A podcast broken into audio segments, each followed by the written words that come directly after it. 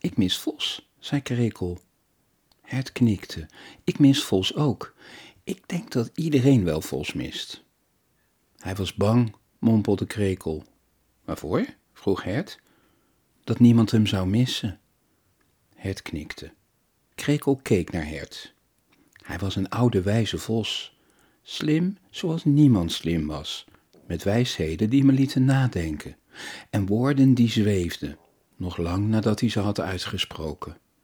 Hij wist van het ongewone iets gewoons te maken, en van schijnbaar gewone voorvallen kon hij bijzondere verhalen vertellen. Ik luisterde vaak naar hem, Hert. Hert knikte.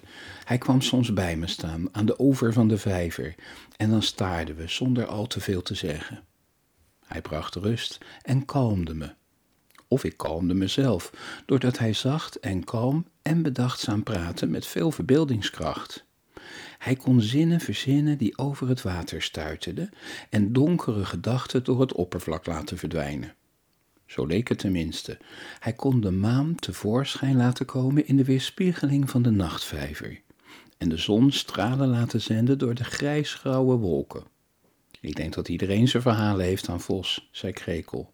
Ik sprak Spitsmuis en Vos hielp hem vaak met genieten van het leven. Eigenlijk hielp Vos ons allemaal. Door de verhalen die hij vertelde konden wij leven, omdat hij op een waardevolle, humoristische, zorgzame, bedachtzame, logische, charmante manier voorleefde, zei Hert. Ja, dat, zei Krekel. Het is een vreemde tijd dat we niet zo dicht bij elkaar mogen komen, door de ziekte die er in het hele bos is, zei Hert. Krekel zweeg. Daarna zweeg hij nog een keer. En nog een keer. Ik mis nog iets. Vertel, zei Hert. Vlak nadat de zon zijn kortste moment heeft om te schijnen, verschenen er elk jaar in het bos, op de open plek, altijd de takken met de groen blijvende stekelbladeren en de rode bolletjes.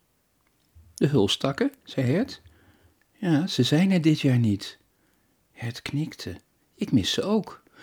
We hebben ons altijd afgevraagd hoe die takken er kwamen, zei Krekel. En de vorm waarin ze waren gelegd, die ster met vijf punten.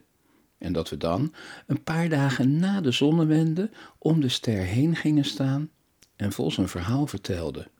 Over vrede en samen zijn, en over leven en voorleven, over hoe we met z'n allen voor het bos moeten zorgen, omdat we maar één bos hebben. Hij gebruikte nooit moeilijke woorden en iedereen snapte wat hij bedoelde. Hert keek naar Krekel. Krekel keek terug naar Hert. Zou, zei Hert. Zou Vos, vroeg Krekel. Hert en Krekel keken elkaar weer aan. Ik denk dat Vos elk jaar de ster maakte, zei Krekel.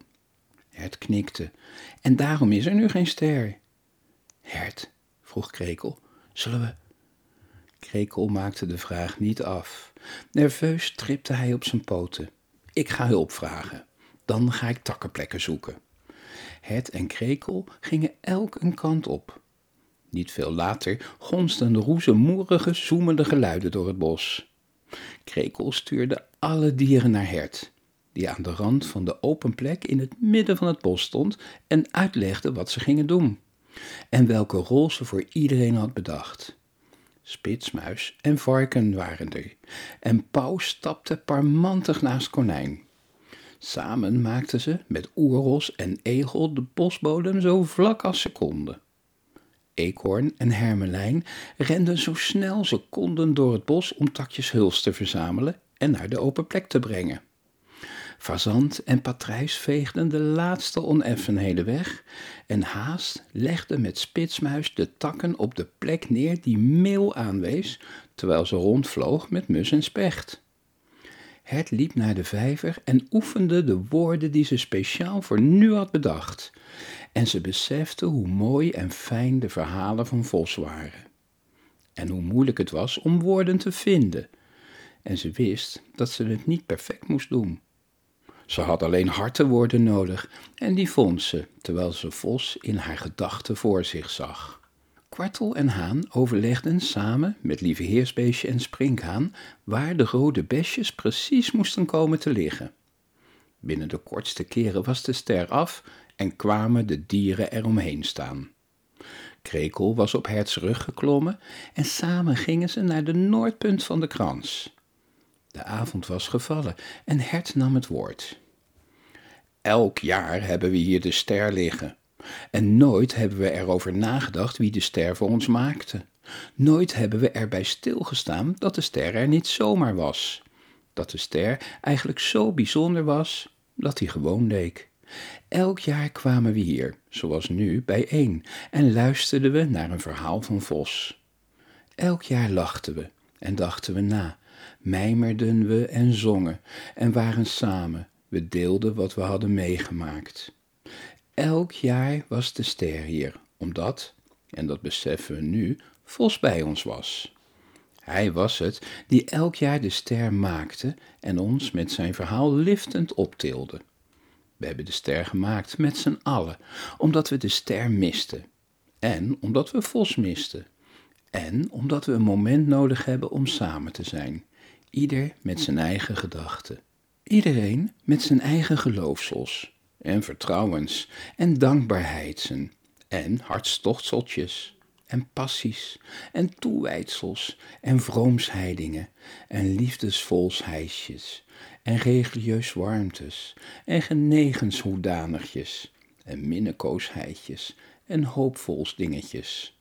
We zijn hier bij elkaar om, ieder van ons, te kijken naar onze overeenkomstertjes en niet naar die onverschillige verschilligheden en om elkaar te zeggen en te beloven dat we elk jaar hier bij elkaar komen, rond de ster die wijst naar de vier windstreken en de vijfde die wijst naar ons hart het knikte naar krekel, die vioolde zijn klanken door de donkerte van de avond.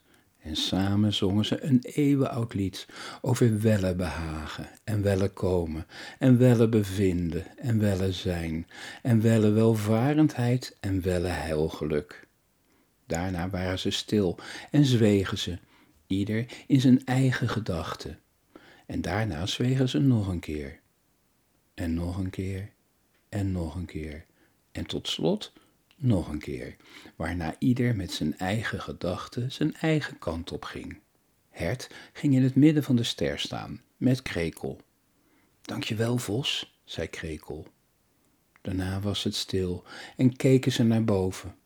De nacht was zwart en tussen het zwart door fonkelden de sterren. Ze flonkerden allemaal even helder.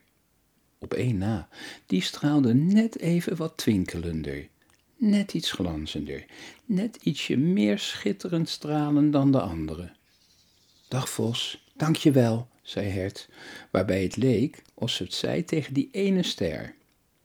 De ster zei niets terug, en toch leek het, heel even, dat de ster net iets feller fonkelde, als een soort van knipoog. En daarna nog een keer, en nog een keer, en nog een keer, net zo lang tot Hert en Krekel uit de ster stapten en ze beiden, elk met hun eigen hartegedachten, de open plek verlieten, op weg naar hun eigen plek om dromend de nacht door te brengen.